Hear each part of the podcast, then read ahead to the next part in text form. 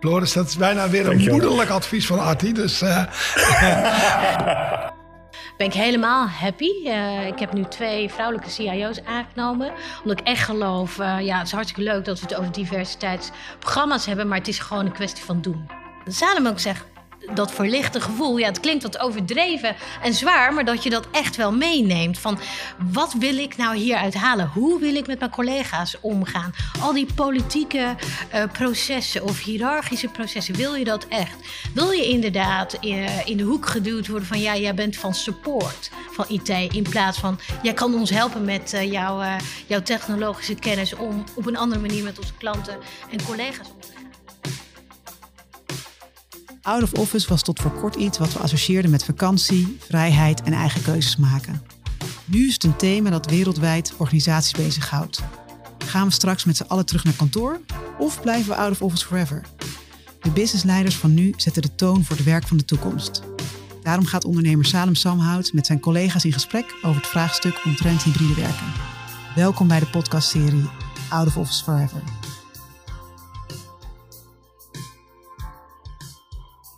Goedendag allemaal, welkom in onze mooie podcastserie Out of Office Forever. We hebben vandaag een prachtige gast bij ons, Artie Debidin, CIO van International van NN Groep. Uh, Artie, van harte welkom. Hoi. Uh, wij kennen elkaar al een beetje en uh, we hebben ook Floris de Bruin, mijn collega, als co-host hier bij ons. Dus we gaan een mooi gesprek voeren over Out of Office Forever.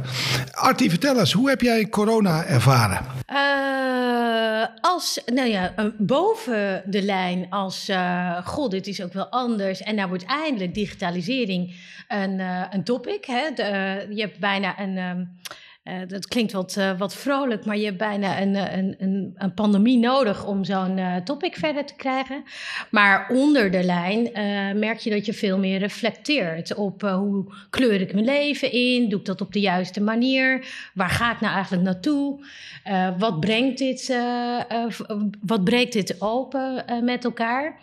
Uh, dus onder de lijn is die natuurlijk veel interessanter. Wat doet het met je? Ik had ook in uh, september 2020 uh, heb ik uiteindelijk ook zelf COVID gehad. Artie, ga nog eens door over wat onder de lijn gebeurt en wat het met je doet als ja, mens. Dus dat je veel meer reflecteert op ehm, zijn we de juiste doelen aan het najagen in ons leven? Kleuren we dat op de juiste manier uh, in? Hè? De, ik heb wel eens vaker gezegd, uh, vrij open in interviews. Ja, ik voelde me vaak een onzekere overachiever. En dat heb ik dan uh, zeg maar kunnen buigen naar wat minder gericht te zijn op externe waardering en minder op, meer op intrinsieke waardering. En nu dat ik thuis was, dacht ik, uh, waarom was normaal gesproken als ik naar kantoor ging, uh, dan heel snel eten aan tafel, snel eten maken. En nu met de pandemie gingen we uitgebreid koken, uitgebreid aan tafel zitten, goede gesprekken hebben met elkaar, uh, op een andere manier met collega's omgaan. Dat hele wat Brené Brown dan, bring your whole self to work, dat was nu veel meer mogelijk. Hè? De Head of Enterprise Architecture bij NN Groep, die had gewoon een gesprek met mijn zoon, want die liep in beeld. En hoe oud is jouw zoon? Uh, nee, de oudste is uh, eh, 26 en de jongste is 19. Ja. Uh, dus die liep in beeld en die, die, die, die hadden gewoon een gesprek met elkaar. Ik vind dat, ja, dat, dat blurren van die lines, nadenken over je doelen in het leven, doe, geef je de juiste zaken de juiste aandacht. Want uh, dat mindful eten, dat mindful met je gezin zijn, maar ook beter voor jezelf zorgen. Ik denk dat dat, uh, hè, dan heb ik het even over praktische dingen.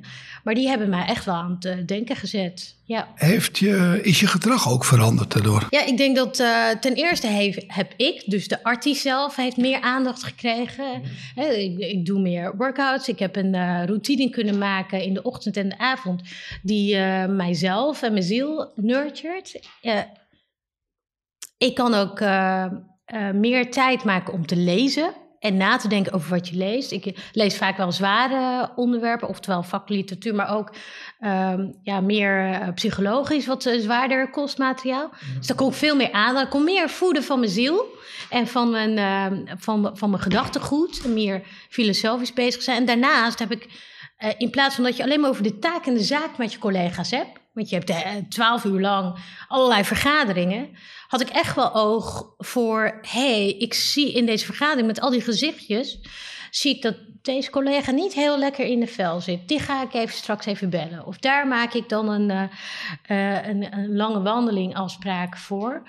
Uh, en, en dat heb je normaal als je aan zo'n ronde tafel zit te vergaderen, kon ik echt niet alle gezichten zien. En kon ik ook niet echt observeren van hé. Hey, non-verbaal zie ik nu dat uh, collega X of Y er niet mee eens is. Laten we dat eens even ruimte geven. Dus als ik jou zo hoor, ben je eigenlijk een betere leider geworden in coronatijd? Ik denk het wel. Ja, absoluut. Ja, ja echt.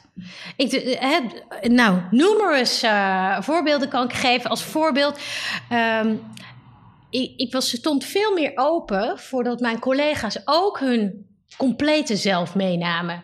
Uh, dus ik heb ook gesprekken gehad met de partners van uh, uh, mijn teamleden. Ik, ben, ik heb ook wandelingen gemaakt met kleuters en baby's die meegingen met Head of Transformation.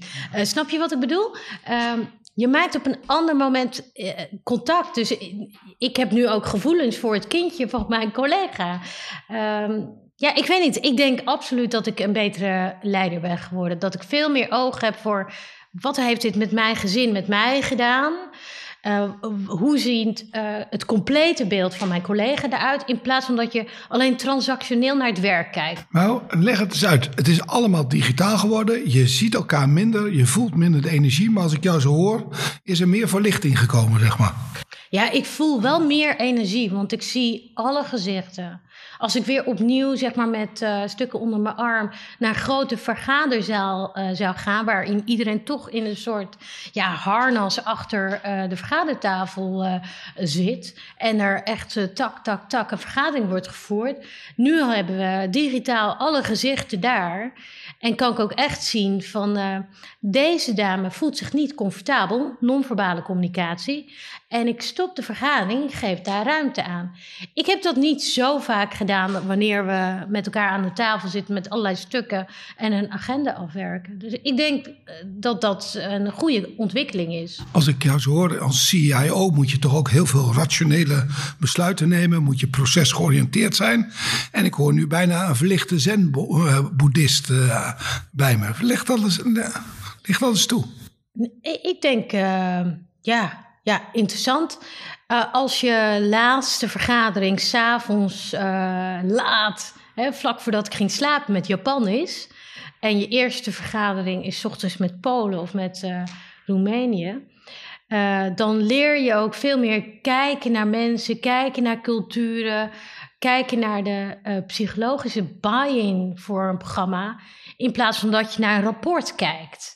Uh, en dat uh, is heel gek dat ik dat zeg, dat dat uh, digitale werken, dat, dat, dat er veel meer ruimte kwam voor, voor dit. Iedereen had namelijk een gemeenschappelijk probleem. we kunnen ziek worden, we moeten elkaar in de gaten houden. We werken allemaal 12 uur digitaal. Um, uh, we hebben allemaal te maken met gezinssituaties. Sommige mensen hebben jonge volwassenen als kinderen. Sommige mensen hebben kleine kinderen. En dan veranderen uh, regels. Uh, per land veranderen die regels ook wel. Um, het ziektebeeld was ook anders in ieder land. Um, dus daar was veel meer oog voor, vind ik echt. Ja. Floris, hoe is jou dat vergaan en welke vraag zou jij nou die willen stellen? Nou, ik ben wel benieuwd. Uh, het klinkt bijna uh, alsof je er weer tegenop kijkt als de kantoren straks weer open zouden gaan. Hoe kijk je daarnaar? Dat is ook zo. Ja, dat is ook echt zo. Ik, want waar, uh, wat ik geleerd heb van, nou, jullie, van jullie kantoor, Femke, daar heb ik haar ook een paar keer nog individueel over gesproken en gemaild. Eh, waar zij heel veel verstand van heeft, is wat uh, cultuur doet en systemen en constructen van de organisatie doen. Dus de vraag hier is, hè, zij heeft het dan gehad, of stel dat je je organisatiecultuur zou moeten zien als een, als een cirkel. En je rekt dat op naar een vierkant, omdat je de cultuur verandert ten positieve. Na een tijdje bounce dat weer back. Dus dat heb ik op COVID neergelegd. Hè? Dit, dit veranderen van de, de cultuur, van hoe het decision-making proces gaat. Eh, ik heb tijdens deze corona gewoon een aantal M&A's gedaan. Dat is echt anders, want dan heb je de verkomende partij werkt ook digitaal met je.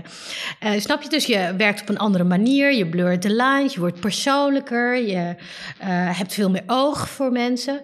En vervolgens straks is dat weer voorbij, hè? Bouwt het dan weer terug naar alles wat we hadden? Krijgen we straks weer dat we een show-up uh, naar allerlei vergaderingen hebben die niet uh, essentieel iets veranderen? Ik ben daar wel bang van, ja. Wat ga je eraan doen om dat tegen te gaan? Oeh, ik hoop toch dat, dat, je, dat we een winning coalition kunnen maken. Want het, het valt toch staat, hè? nog steeds shadow of the leader. We moeten het voorbeeld geven. Wie go first. Uh, dus ik, ik hoop dat we een coalitie maken van dat we toch die democratisering die er was in deze periode van je beslist even zelf welke vergadering je bijwoont en welke niet. En als je alleen maar voor één agendapunt uh, bent, uh, ja, mag je het uh, digitaal aanleveren. Ik hoop dat die democratisering niet teruggaat naar hiërarchische command en control en weer oeverloos met elkaar praten, Poolse landdagen.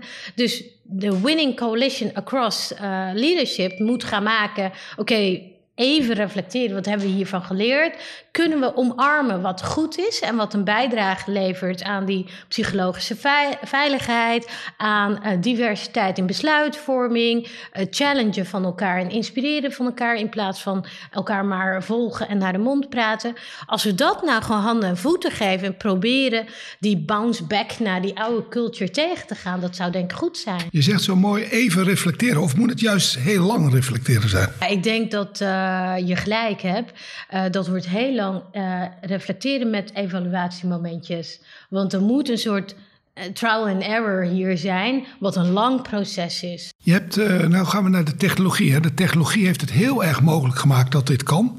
Dus we zijn naar een volgend plateau gegaan van digitalisering. In ieder geval hoe we samenwerken. Wat is het volgende plateau wat digitalisering kan helpen? Ja, Kijk, nu wordt uh, in die eerste laag wordt digitalisering, als we het dan in uh, relatie tot COVID bespreken, dan hebben we het vaak over werkplekken. Uh, en afscheid nemen van brick and mortar. Ik hoop natuurlijk dat als gevolg hiervan ook een beetje brick and mortar weggaat. Dat een soort blur the lines van je fysieke locatie, blur the lines van je contract met je bedrijf. Dat kan natuurlijk digitaal ook zijn. Dus dat, uh, uh, dat iedereen, ongeacht de relatie tot een bedrijf, met elkaar werkt. en dan bovenop werken natuurlijk die proposities. Dat je, uh, de markt is nu toch uh, globaal uh, gewend geraakt om op een andere manier zeg maar, diensten af te nemen. dus hopen dat proposities andere, anders worden. In plaats van alleen maar transactioneel ook digitaal, maar ook ontzorgen. Dat servicemodellen ook gedigitaliseerd worden. Niet alleen de box, om maar even zo te zeggen. maar ook de diensten daaromheen. Dus de interactie met je klant moet veranderen, de interactie met je mensen moet veranderen. Uh, ik, ik hoop ook dat, uh, dat er een doorbraak komt door digitalisering in power. Uh, en hopelijk ook in. Wat bedoel je daarmee? Ja, dus, dus, dus de hiërarchische modellen, corporate structuren, gebouw X, Y, Z. Nu is het toch weer een soort van power naar iedereen. Dat is, dat is toch een beetje uh, ja, vertroebeld. Uh, een ZZP'er die uh, levert net zoveel uh, en waardevolle, want het gaat veel meer daarover, uh, re resultaten dan een established uh, consulting firm of whatever. Het is misschien een suf voorbeeldje, maar ik probeer even te zeggen dat heel veel mensen hebben in deze uh, COVID-periode ge, ja, gekozen voor een andere manier van relatie tot werkgever. Um, en, en, ook een andere balans gemaakt, hè, nevenactiviteiten. Zie je ook dat er heel veel mensen van baan gaan wisselen? Want dat voorspel ik een beetje. Ja. Dat er heel veel mensen zeggen, nou, we hebben ja. Anderhalf jaar, maar nu is toch wel tijd voor een change. Ja. Uh, mijn relatie naar mijn bedrijf is anders geworden. Ik wil het anders gaan doen. Wat voorspel jij daarin? Ja, en gek hè? Op het moment dat we niet meer uh, gegijzeld en verslaafd zijn aan die red race. We gaan even van die red race, uh, zeg maar, zuurstof af. En we lopen lange wandelingen buiten. En we praten wat meer met elkaar. We zoeken meer contact met elkaar. Dan denken we na over ons leven. Dus bijna de stappen van midlife crisis. En dan denken we van, wat zijn we nou eigenlijk aan het doen? uit die red race. En sommige mensen kiezen dan voor, nou, ik ga voor mezelf werken, of ik ga toch iets creatiefs doen, of ik weer iets onzelfzuchtigs voor de planeet doen, of voor mensen in de maatschappij, of ik ga dat combineren, wat natuurlijk ook kan. Um, ja, ik denk absoluut dat de mensen van baan gaan wisselen. Ja. Floris, jij spreekt ook heel veel mensen met CIO's en, uh, en mensen die in technologie werken. Zie jij daar ook zo'n uh, verandering van mensen die van baan gaan veranderen, die hun leven anders gaan inrichten? Hoe kijk jij daar tegenaan? Um, nou, ik heb wel echt. Um uh, wat ik echt heel opvallend vond, want aan het begin van de crisis vond ik die relatie ook tussen uh, ja, technologie en de rest van het bedrijf, zeg maar, daar ervaarde ik echt een vernieuwde energie in, zeg maar. Dus er was echt een soort herwaardering ja. van de technologiefunctie in de organisatie. Die kon in één keer een soort van de ja. bedrijven redden van de ondergang. Uh, en uh, ja, daar werden eigenlijk, uh, ja, voelden die mensen zich eigenlijk ook veel meer gewaardeerd in één keer. En die konden veel meer ja, direct waarde toevoegen voor, ehm, ja, voor wat ze deden. Um, en eigenlijk lijkt dat nu voor een heel groot gedeelte weer helemaal terug veranderd. En ik merk, uh, uh, maar althans, dat zie ik dan bij veel, veel van mijn klanten gebeuren. Uh, vooral die, in die oude gedragspatronen en uh, ja, van hoe business en IT daarover met, met elkaar samenwerken aan strategische projecten met elkaar werken. En eigenlijk voelt IT zich weer vrij snel toch weer ja, een beetje het achtergeschoven uh, persoon aan het einde die weinig ja, hun toegevoegde waarde zien zeg maar, voor het werk wat ze doen. Um, en ik maak me daarbij wel een beetje zorgen van nu ze dat ervaren hebben. Uh, dat vooral denk ik veel techneuten die voor grote bedrijven werken, dat ze gaan denken van ja, maar ik wil dat gevoel weer terug hebben, zeg maar. Dus van de impact die je kan maken. En ja. Uh, ja, hoe, hoe gaaf het was. Dus dat die misschien wel meer de keuze gaan maken voor ja, meer kleinere of klantgerichtere bedrijven waar ze dichter tegen de klant kunnen zitten. Uh, dat, uh, dat denk ik wel. Uh, en dat is ook wel een beweging die ik ook best veel, ook best veel zie gebeuren. Ik, ik denk het ook hoor. Ik denk dat ook dat, dus stel dat je de evolutie zeg maar in een tijdlijn zou uitdrukken, dan is inderdaad, ben ik helemaal met je eens. Aan de achterkant zie je ook weer dat er dat bounce back, waar wat Femke voorspelt, dat dat gebeurt. Uh, en ook dat, uh, ik herken ook wel dat uh, op het moment dat je gaat kiezen tussen een top tier consulting firm of een kleine, dan kies je voor iets anders.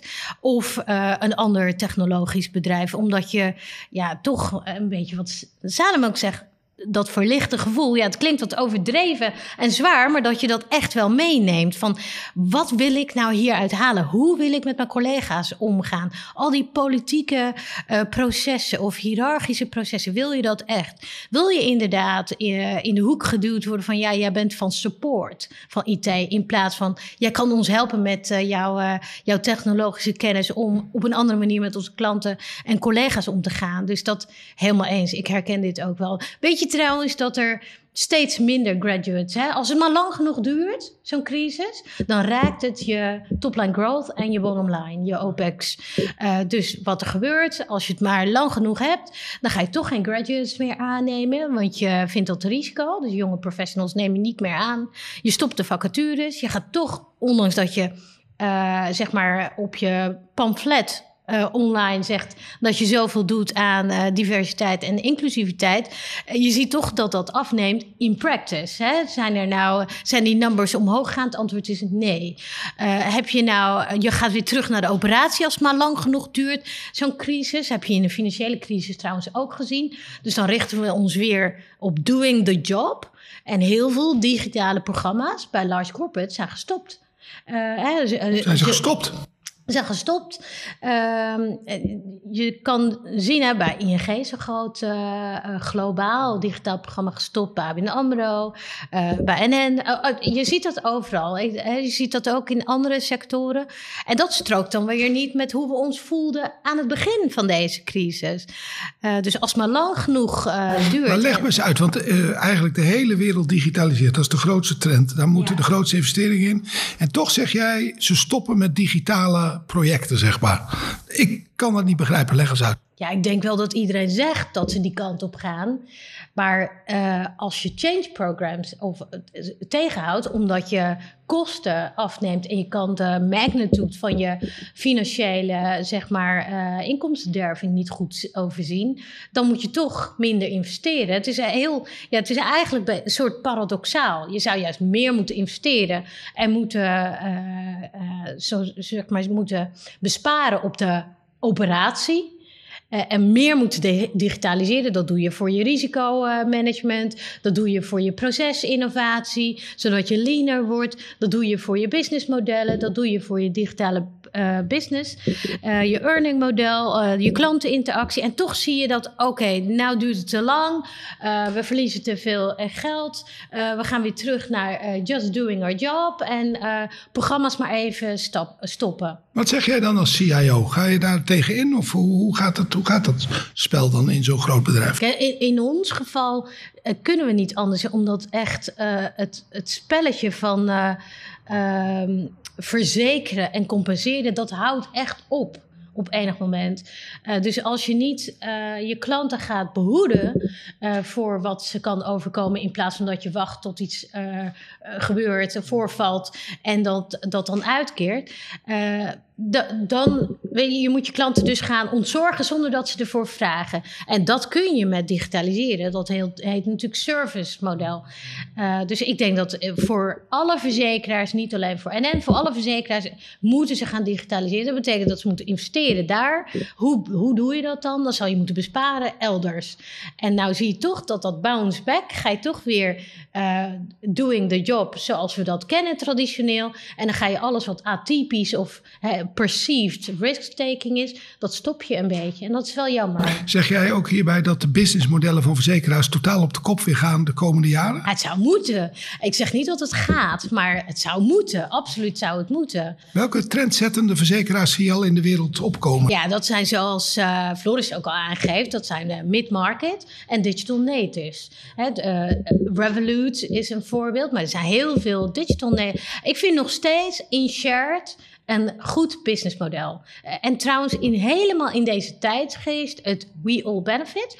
Uh, ja, dat, dat, dat soort businessmodellen gaan het goed doen. Ja, groeit uh, InShared ook? Want ik weet nog van jaren geleden dat dat groeide. En dan dacht je, dat is het businessmodel, die groeit keihard door. Groeien ze ook keihard door? Ik zou het niet weten. Jullie kunnen het weten, want jullie hebben klanten daar. Floris, welke technologie uh, disruptor zou jij nog met Artie willen bespreken? Um, nee, ik, waar ik wel echt nieuwsgierig naar ben. Uh, eigenlijk, ik las laatst een heel mooi, um, heel mooi boek. Hè. Er verschijnt natuurlijk van alles over naar de wereld na COVID. En daar poneerde eigenlijk iemand heel mooi de stelling van ja, ik denk niet dat de crisis de koers van de toekomst totaal verandert, maar wel de toekomst versnelt. En ik denk dat dat waar is, zeg maar. Dus ik denk dat heel veel dingen in een stroomversnelling terecht zijn gekomen en dat, dat zal de komende tijd nog doorzetten. Uh, dat betekent ook dat we nog heel veel moeten gaan ontdekken, zeg maar. Dus er zal heel veel, ja, we moeten eigenlijk heel veel besluiten gaan nemen die we nog nooit eerder uh, in ons leven hebben genomen. Um, en uh, ja, je ziet een enorme versnelling op uh, ja, ook allerlei samenwerkingsachtige technologieën hè? En, en ecosystemen. Ecosysteem, maar ook allerlei ja. technologieën die dat ondersteunen. Hè, van ja, met avatars tot met virtual reality met elkaar tot AI. die van met Google Duplex enorme versnellingen uh, weet te maken. Um, ik ben wel benieuwd hoe jij met name naar zeg maar, die, ja, die technologie die al op heel veel facetten heel impactvol is in veel bedrijven. En die eigenlijk ook nog dus op het terrein van hoe we met elkaar samenwerken eigenlijk nog veel krachtiger en noodzakelijker is geworden. Hoe je daar kijkt naar de toekomst. Hoe zich dat uh, straks verder gaat ontwikkelen. Ja, ik, ik hoop, maar dat is uh, echt een Amerikaanse beweging al heel lang. vanwege de geografische afstanden daar. Is er heel veel geïnvesteerd aan digitalisering in healthcare. Weet je, dat soort trends hoop ik dat die ook in andere landen zich voortzetten. ook eens met, nou ja de impact hiervan is een, accelerator, maar het is niet een turnaround. Het is geen revolution, maar evolution. dus dat zie ik ook wel. Ehm, wat ik niet zie, maar ik ben ook wel benieuwd. Ik wou dat ik alle CIO's bij jullie in het bestand mocht spreken.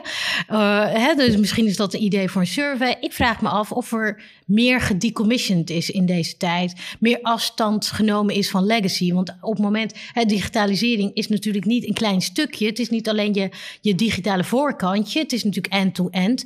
En dat zie ik niet. Weet je wel, hè, ik wou dat ik dat nog meer zag. Want als je wil gaan decommissionen, je wil legacy gaan opruimen, je wil een meer nimble organisatie worden. Uh, om juist de digitale processen uh, end-to-end te hebben in de hele keten. Uh, dan moet je ook je klant opruimen. En dan moet je ook iets doen aan oude systemen. Want anders dan blijf je toch gevangen daar. En dat betekent dat je moet gaan investeren. En dat moet natuurlijk ergens vandaan komen. Dus ik hoop dat dit soort trends zich uit gaan zetten. Hè? Een soort van dat alle global trends bij elkaar komen. We zijn minder gaan reizen. We zijn minder gaan vliegen. Ik hoop dat dat ook betekent dat we na gaan denken over planeet. Je hoeft dus niet te reizen. En je hoeft dus niet zeg maar continu te vliegen. Als de pandemie er niet was geweest, had ik in mijn functie 80% van mijn tijd. Zeg maar aan het vliegen geweest, global. En nu was dat niet. Ik hoop dat mensen onthouden dat het dus niet nodig is. Mijn hele team, normaal gesproken, zou de hele tijd aan het reizen zijn. En ehm, we hebben nu meer kunnen doen. Uh, we hebben kortere lijntjes. We hebben de huiskamers van alle CEO's in alle landen gezien, inclusief partners. We hebben digitaal met elkaar gedineerd en dat kan je zo vaak doen als dat je wil. Ik hoop dat we dat niet vergeten en dat die, dat, dat, dat door, zich doorzet. Hoe denk je dat? Minder reizen? Denk je ook dat de mensen minder naar kantoor komen? Uh, wat, wat voorspel je daarop? Ik hoop dat echt. Ik hoop dat er gebouwen, zeg maar. Uh, uiteindelijk is assets is natuurlijk ook uh, niet in belang van je klanten. Want al die operationele kosten vertaal je ook naar de klantprijs. Dus op het moment dat je ziet het is niet meer nodig. En dat is nu bewezen door circumstances. Dat je kapt met al die gebouwen. niet meer trots zijn op al die gebouwen op Zuidas of wherever. En dus dat mensen de vrijheid hebben hoe ze hun locatie inrichten. Uh, dat is goed voor je shareholder, dat is goed voor je klanten, dat is goed voor je medewerkers. Ik hoop dat uh, zeker, ja. Bij verzekeraars daar zie je ook, die beleggen ook heel veel geld. Uh, wat zie jij voor een trend in de markt eigenlijk? Wat gaat daar gebeuren? Waar gaan mensen in investeren? Waar, zie je de waar investeren verzekeringsmaatschappijen op het ogenblik in? Ik denk uh, dat alle FS, uh, grote FS-bedrijven investeren in organisaties uh, die hun eigen ambitieniveau aangeeft. Dat zijn vaak digital natives, fintechs, weet je wel, um, ragtech companies. Ja, dat is iets dat heeft een cultuur uh, een, snelheid, uh, short time to market, maar ook een diversiteit. Daar zit vaak ook een heel jong iemand in de board. Uh, dat ambiëren de large incumbents. daar investeren ze dus ook in. En ik hoop dat ze niet alleen erin investeren, maar dat ze het ook een beetje laten afgeven op hun eigen bedrijfsmodellen. dus daar wordt stevig in belegd. Er wordt veel belegd in sustainability, corporate responsibility. Nou, laat dat ook een beetje afgeven op jezelf. Ik hoop dat voor voor de rest ben ik echt geen autoriteit op dat uh, gebied. Hè. Ik ben natuurlijk CIO en geen Chief Investment Officer. Ja, ja. Maar uh, even daar nog misschien op, want je zegt al, je bent CIO. Uh, je bent vrouw, je hebt een multiculturele achtergrond. Yeah. Hoe is het in deze tijd om ja, een unusual suspect te zijn in een bedrijf? Um, beter dan vroeger.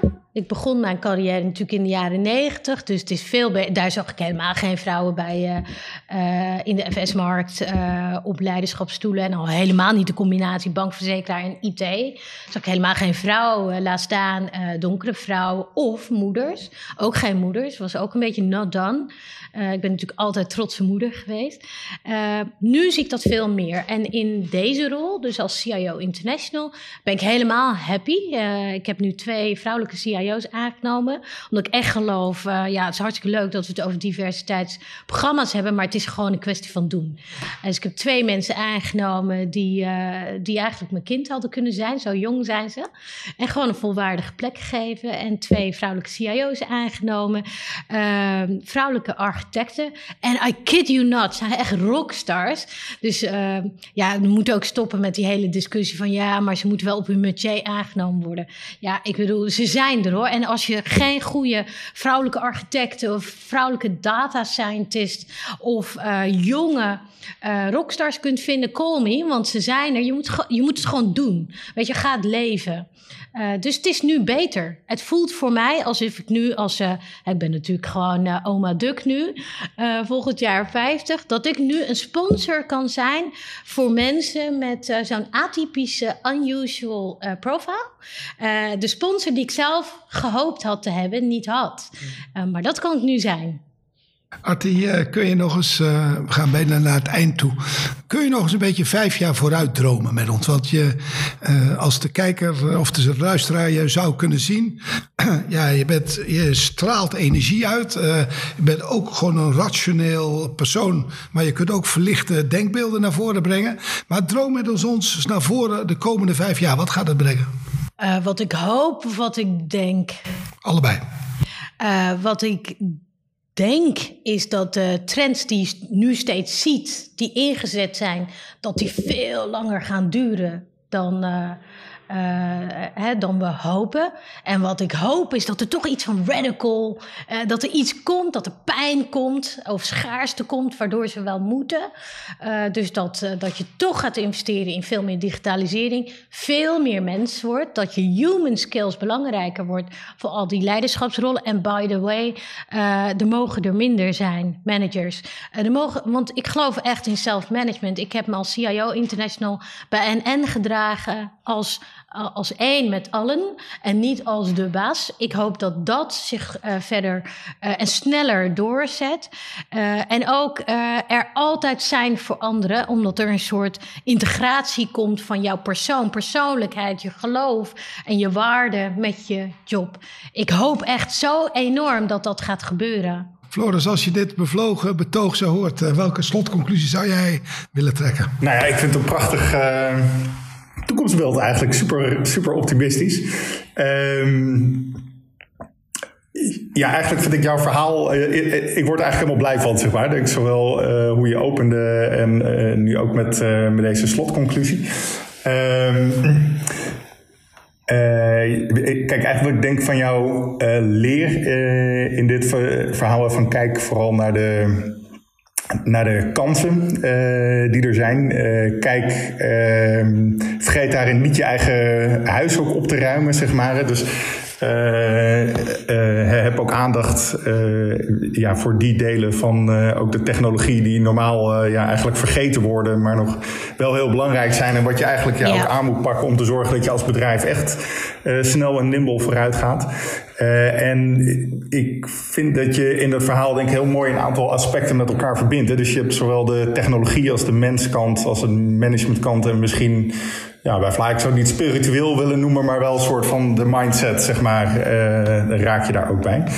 Uh, dus ik vind dat eigenlijk een heel mooi, uh, een heel mooi en aansprekend toekomstbeeld. Dus dank daarvoor. Heb jij nog een uh, wijs advies voor Floris, Artie, als ja, begenadigd consultant aan allerlei CIO's? Wat voor een laatste advies zou je nog aan Floris geven? Ja, ge geheel zonder belang wil ik zeggen. Ehm, rust goed uit, want er komt meer markt aan voor bedrijven zoals Ensamhout. Dat, dat denk ik echt. Want ik denk echt en, en, ik heb dat al een paar keer eerder eh, met jou en, en Femke besproken. Hè? De tijd van ook die traditionele old school consulting firms is over.